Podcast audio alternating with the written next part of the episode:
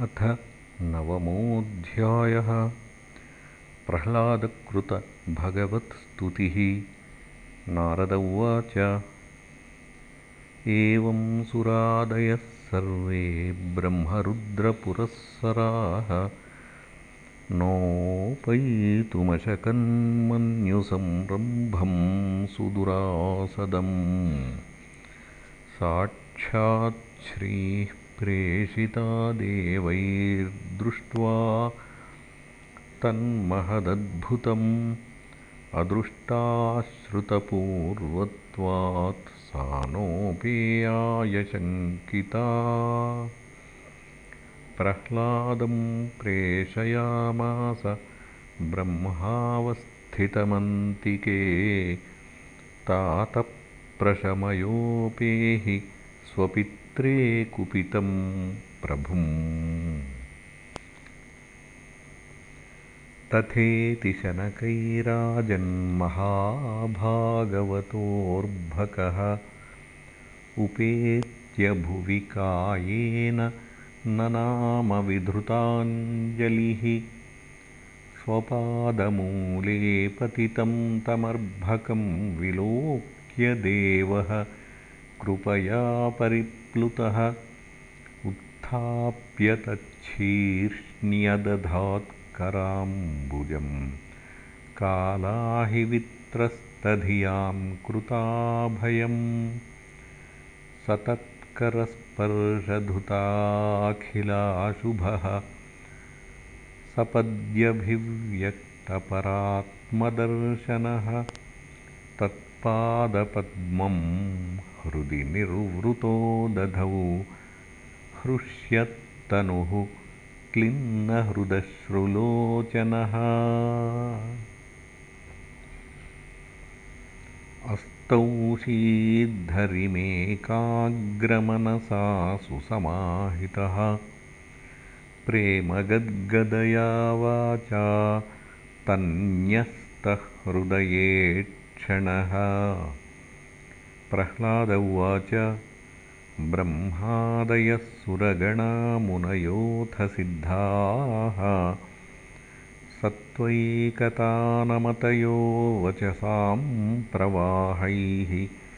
नाराधितुं पुरुगुणैरधुनापि पिप्रुः।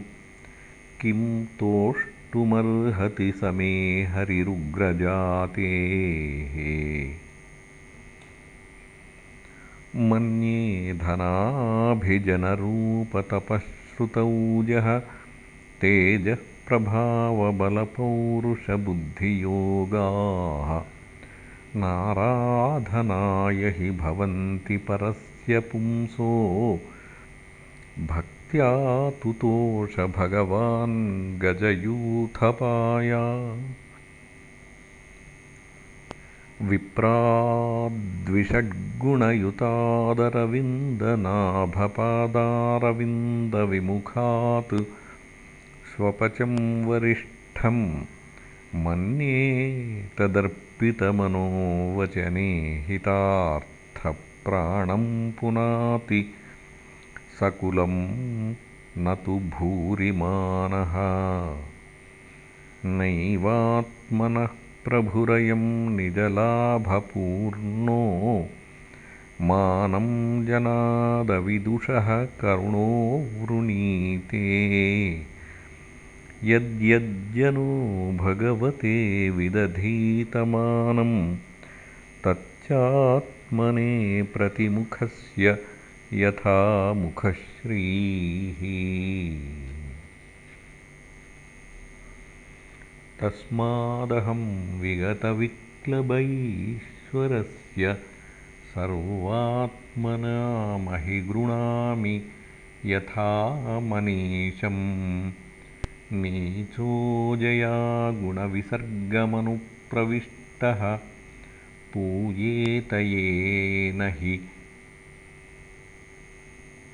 पुमाननुवर्णितेन सर्वे ह्यमीविधिकरास्तव सत्त्वधाम्नो ब्रह्मादयो वयमिवेश न चोद्विजन्तः क्षेमाय भूतय उतात्मसुखाय चास्य विक्रीडितं भगवतो रुचिरावतारैः। तद्यच्छ मन्युमसुरश्च हतस्त्वयाद्य मोदेतसाधुरपि वृश्चिकसर्पहत्या। लोकाश्च निर्वृतिमिताः प्रतीयन्ति सर्वे। रूपं नृसिंहविभयाय जनाः स्मरन्ति नाहं बिभेम्यजिततेति भयानकास्य जिह्वार्कनेत्र भ्रुकुटीरभसोऽग्रदंष्ट्रातु आन्त्रस्रजः क्षतजकेसरशङ्कुकर्णातु निर्ह्रादभीतदिगिभादरिभिन्नखाग्रातु त्रस्तोऽस्म्यहं कृपणवत्सलदुःसहोग्रसंसारचक्रकदनात्ग्रसतां प्रणीतः बद्धस्वकर्मभिरुषत्तमतेऽङ्घ्रिमूलम् प्रीतोपवर्गशरणं वयसे कदा नु यस्मात्प्रियवियोगसुयोगजन्मशोकाग्निना सकलयोनिषु दह्यमानः दुःखौषधं तदपि दुःखमतद्धियाहं। भूमन् भ्रमामि वद मे तव दास्ययोगम्। सोऽहं प्रियस्य सुहृदः परदेवतायाः लीलाकथास्तव नृसिंहविरिञ्चगीताः। अञ्जस्तितर्म्यनुगृणन् गुणविप्रमुक्तो दुर्गाणि ते पदयुगालयहंससङ्गः। बालस्य नेहशरणं पितरौ नृसिंह नार्तस्य चागदमुदन्वति मज्जतोनौः तप्तस्य तत्प्रतिविधिर्य इहाञ्जसेष्टः तावद्विभूतनुभृतां त्वदुपेक्षितानाम् यस्मिन् यतो यर्हि येन च यस्य यस्मात् यस्मै यथा यदुतयस्त्वपरः परो वा। भावः करोति विकरोति पृथक् स्वभावः। सञ्चोदितस्तदखिलं भवतः स्वरूपम्। मायामनःसृजति कर्ममयं बलीयः कालेन चोदितगुणानुमतेन पुंसः छन्दोमयं यदजयार्पितषोडशारं संसारचक्रमजकोतितरे त्वदन्यः। सत्त्वं हि नित्यविजितात्मगुणस्वधाम्ना कालोऽवशीकृतविसृज्यविसर्गशक्तिः चक्रे विसृष्टमजयेश्वरषोडशारे निष्पीड्यमानमुपकर्ष विभो प्रपन्नम्। दृष्टा मयादिविविभोऽखिलधिष्ण्यपानाम् आयुः श्रियो विभव इच्छति याञ्जनोऽयम् ये स्मत्पितुः कुपितहासविजृम्भितभ्रू विस्फूर्जितेन लुलिता स तु ते निरस्तः। तस्मादमूस्तनुभृतामहमाशिषोऽज्ञ आयुः श्रियं विभवमैन्द्रियमाविरिञ्चातु। नेच्छति गच्छामि ते विलुलितानुरुविक्रमेण कालात्मनोपनय मां निजभृत्यपार्श्वम्। कुत्राशिषः श्रुतिसुखा मृगतृष्णिरूपाः क्वेदं कळेबरमशेषरुजां विरोहः। निर्विद्यते न तु जनो यदपीति विद्वान्। कामानलं मधुलवैः शमयन् दुरापैः। क्वाहं रजः प्रभव ईशतमोऽधिकेऽस्मिन्। जातः सुरेतरकुले क्व तवानुकम्पा न ब्रह्मणो न तु भवस्य न वैरमाया। यन्मेऽर्पितश्चिरसि पद्मकरः प्रसादः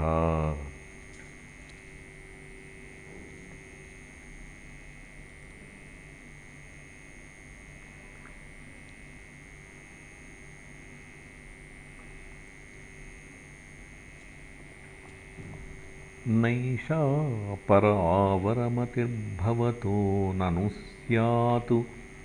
जन्तोर्यथात्मसुहृदो जगतस्तथापि संसेवया सुरतरोरिव ते प्रसादः।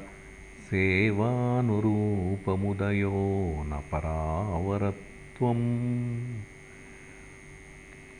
एवं जनं निपतितं प्रभवाहि कूपे कामाभिकाममनुयः प्रपतन् प्रसङ्गात् कृत्वात्मसात् सुरर्षिणा भगवन् गृहीतः सोऽहं कथं नु विसृजे तव भृत्यसेवाम् मत्प्राणरक्षणमनन्तपितुर्वधश्च मन्ये स्वभृत्यऋषिवाक्यमृतं विधातुम्। खड्गं प्रगृह्य यदवोचदसद्विधित्सुः त्वामीश्वरो मदपरोऽवतु कं हरामि एकस्त्वमेव जगदेतदमुष्ययत्वम् आद्यन्तयोः पृथगवस्यसि मध्यतश्च सृष्ट्वा गुणव्यतिकरं निजमाययेदं नानेवतैरवसितस्तदनुप्रविष्टः त्वं वा इदं सदसतीशभवांस्ततोऽन्यो मायायदात्मपरबुद्धिरियं ह्यपार्था यद्यस्य जन्मनिधनं स्थितिरीक्षणं च तद्वैतदेव वसुकालवदष्टितर्वोः न्यह्येदमात्मनि जगद्विलयाम्बुमध्ये शेषेत्मना निजसुखानुभवो निरीहः। योगेन मीलितदृगात्मनिपीतनिद्रः तुर्ये स्थितो न तु तमो न गुणांश्च युङ्क्षे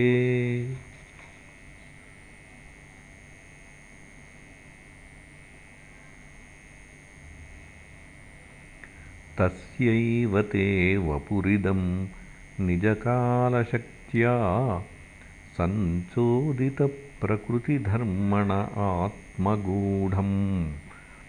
अम्भस्यनन्तशयनाद्विरमत्समाधेः नाभेरभूत् स्वकणिकावटवन्महाब्जम् तत्सम्भवः कविरतोऽन्यदपश्यमानः त्वां बीजमात्मनि ततं स्वबहिर्विचिन्त्य ददब्दशतमप्सु निमज्जमानो जातेऽङ्कुरे कथमुहोपलभेत बीजम्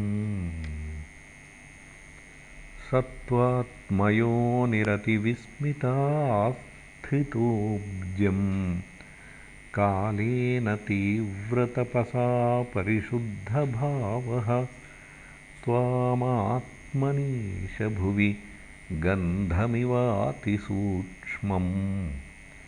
भूतेन्द्रियाशयमये विततं ददर्श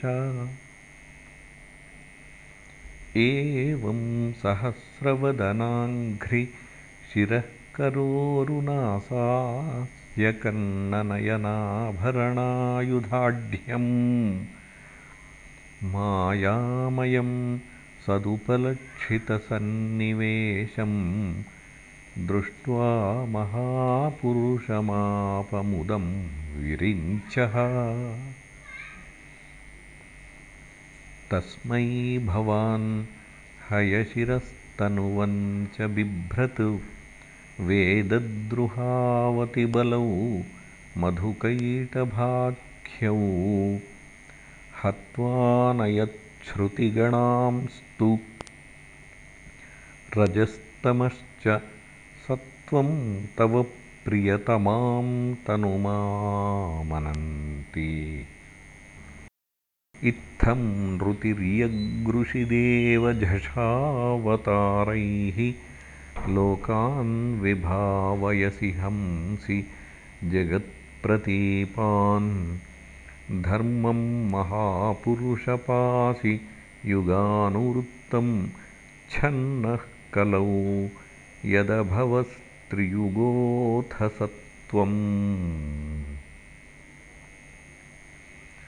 नैतन्मनस्तव कथासु विकुण्ठनाथ सम्प्रीयते दुरितदुष्टमसाधुतीव्रम्।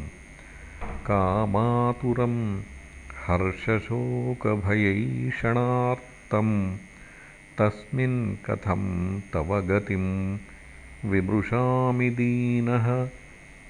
जिह्वैकतोऽच्युतविकर्षति मा वितृप्ता शिष्णोऽन्यतस्त्वगुदरं श्रवणं कुतश्चित् घ्राणोऽन्यतश्चपलदृक् च कर्मशक्तिः बह्व्यः सपत्न्य इव गेहपतिं लुनन्ति। एवं स्वकर्मपतितं भववैतरण्याम् अन्योन्यजन्ममरणाशनभीतभीतं पश्यन् जनं स्वपरविग्रहवैरमैत्रं हन्तेति पारचरपीप्रुहि मूढमद्य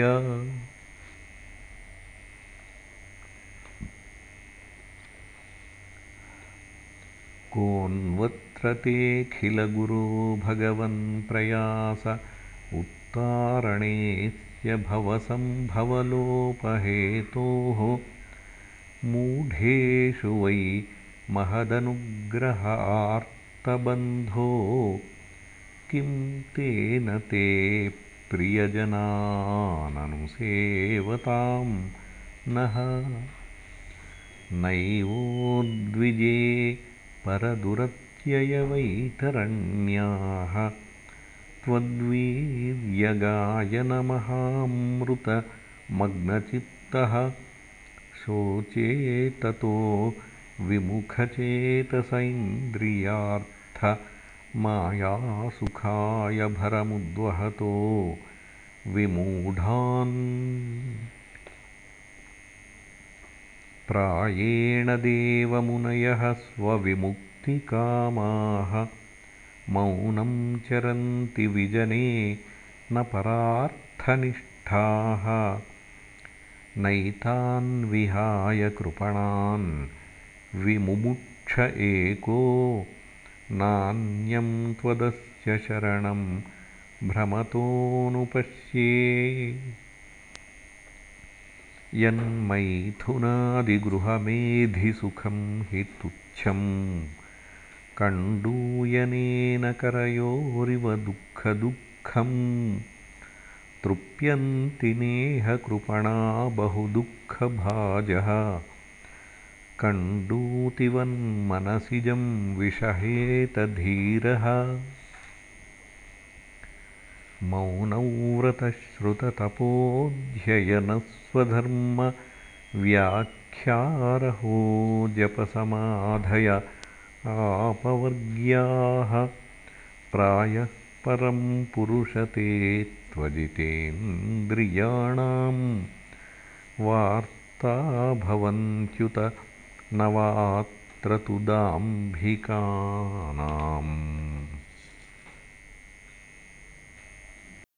रूपे इमे सदसती तव वेदसृष्टे बीजाङ्कुराविव चान्यदरूपकस्य युक्ताः समक्षमुभयत्र विचिन्वते त्वां योगेन वह्निमिव दारुषुणान्यतस्यात् त्वं वायुरग्निरवनिर्वियदम्बुमात्राः प्राणेन्द्रियाणि हृदयं चिदनुग्रहश्च सर्वं त्वमेव सगुणो विगुणश्च भूमन् नान्यत्वदस्त्यपि मनोवचसा निरुक्तम्। नैते गुणानगुणिनो महदादयो ये सर्वे मनःप्रभृतयः सह देवमर्त्याः आद्यन्तवन्त उरुगाय विदन्ति हि त्वाम् एवं विमृश्य सुधियो विरमन्ति शब्दात्। तत्तेर्हत् नमस्तुतिकर्मपूजाः कर्मस्मृतिश्चरणयोः श्रवणं कथायां संसेवया त्वयि विनेति षडङ्गया किं भक्तिं जनः परमहं सगतौ लभेत। नारद उवाच एतावद्वर्णितगुणो भक्त्या भक्तेन निर्गुणः प्रह्लादं प्रणतं प्रीतो यतमन्युरभाषता। श्रीभगवानुवाच प्रह्लादभद्रभद्रन्ते प्रीतोऽहं ते सुरोत्तम। वरं वृणीष्वाभिमतं कामपूरोऽस्म्यहं नृणाम् मामप्रीणतायुष्मन् दर्शनं दुर्लभं हि मे दृष्ट्वा मां न पुनर्जन्तुरात्मानं तप्तुमर्हति। प्रीणन्ति ह्यथ मां धीराः सर्वभावेन साधवः श्रेयस्कामा महाभागाः सर्वासामाशिषां पतिम्। नारद उवाच एवं प्रलोभ्यमानोऽपि वरैर्लोकप्रलोभनैः एकान्तित्वाद्भगवति नैच्छत्तानसुरोत्तमः। इति श्रीमद्भागवते महापुराणे पारमहंस्यां संहितायां सप्तमस्कन्धे नवमोऽध्यायः